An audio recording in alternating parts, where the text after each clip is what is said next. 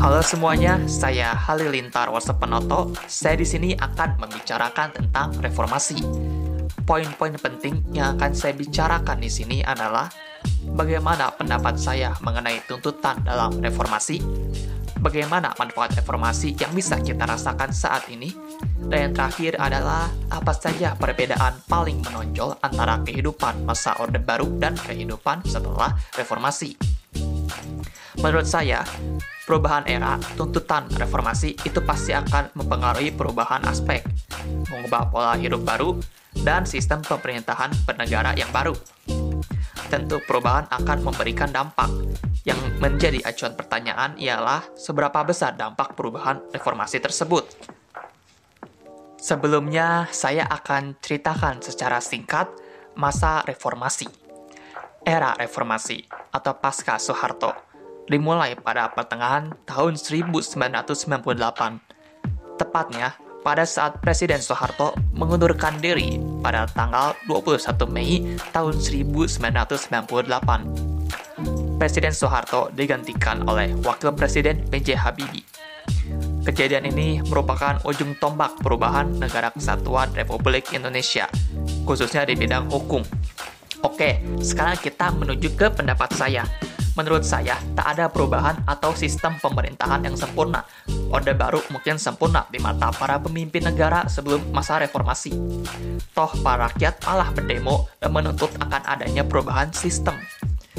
Masa pemerintahan sebelum masa reformasi pun tidak salah.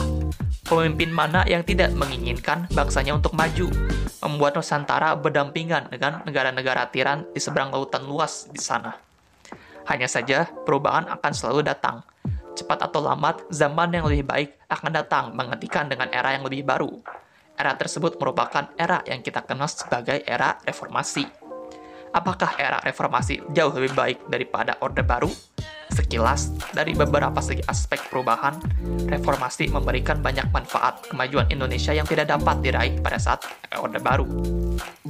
Masa Orde Baru menonjolkan kemajuan negeri, ekonomi, dan pembangunan nasional, Sedangkan masa reformasi lebih ke arah mendengarkan aspirasi rakyat, perkembangan dan kemajuan negeri berdasarkan undang-undang yang baru pada masanya. Nah, sekarang kita ke manfaat reformasi. Manfaat reformasi yang dapat kita rasakan sebetulnya itu ada banyak. Jika ditanyakan apa yang paling menonjol, tentunya yang paling menonjol ialah diberikanlah kebebasan untuk berkritik kepada sistem pemerintahan. Dengan begitu, rakyat merasa lebih didengar dan merasa ikut membangun negeri secara tidak langsung. Contoh lainnya, merangkul di bidang politik. Indonesia menjadi lebih terbuka terhadap muka internasional. Tentu ini mendorong faktor impor-ekspor yang merupakan salah satu kegiatan yang sering dilakukan oleh perekonomian Indonesia. Secara tidak langsung, berhubungan dengan kemajuan ekonomi bangsa. Perkembangan di bidang teknologi pun tak terlewatkan Indonesia dapat dibandingkan dengan negara-negara besar lainnya. Bahkan, Indonesia berdiri di peringkat sebagai negara berkembang yang mampu bersaing secara internasional. Di balik itu semua, terdapat aspirasi rakyat yang merasa didengar. Derajat rakyat dan Indonesia terasa diangkat secara tidak langsung di mata dunia.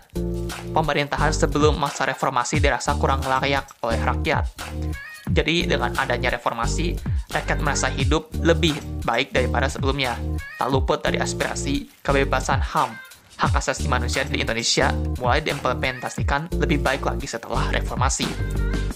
Nah, sekarang kita ke poin apa perbedaan di antara masa Orde Baru dengan masa reformasi. Nah, ada beberapa hal yang perlu digarisbawahi atas perubahan yang diberikan era reformasi. Yang pertama, dilakukannya pergantian presiden, masa jabatan yang dimaksimalkan selama dua periode. Yang kedua, pemilihan langsung oleh rakyat, dari rakyat, dan untuk rakyat. Ketiga, diamandemenkannya UUD sebagai dasar negara. Kini Indonesia didasari oleh Pancasila, yakni ketuhanan yang Maha Esa, kemanusiaan yang adil dan beradab, persatuan Indonesia, kerakyatan yang dipimpin oleh hikmat kebijaksanaan dalam pemusyawaratan perwakilan, keadilan sosial bagi seluruh rakyat Indonesia. Dan masih banyak lagi, sungguh luas apabila dibicarakan lebih jauh lagi. Nah, jadi setelah mendengar itu semua, mari kita tarik beberapa kesimpulan yang bisa kita ambil. Kesimpulan yang dapat ditarik Menurut saya, masa reformasi merupakan perubahan revolusioner bagi Indonesia. Terlebih lagi, rakyat merasa lebih diadili setelah perubahan tersebut. Mau bagaimanapun juga, pasti setiap orang memiliki pendapatnya masing-masing akan perubahan yang ada, maupun kontra ataupun pro, bagaimanapun juga tak ada perubahan yang benar ataupun salah. Namun bagi sejarah hanya ada pemenang. Pemenang di sini adalah masa reformasi, sudah tentu, karena berubah dari orde baru ke masa reformasi. Gambaran siklus perubahan ialah seperti roda yang berputar. Bagaimanapun roda yang berputar, ketika ada perkembangan zaman yang lebih mutakhir, diterima, dan dirasa lebih baik, maka roda tersebut akan diganti dengan roda yang baru.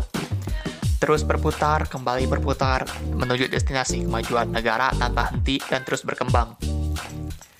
Saya Halilintar WhatsApp Penoto, terima kasih karena sudah mendengarkan pendapat saya tentang tuntutan reformasi. Saya pamit untuk diri.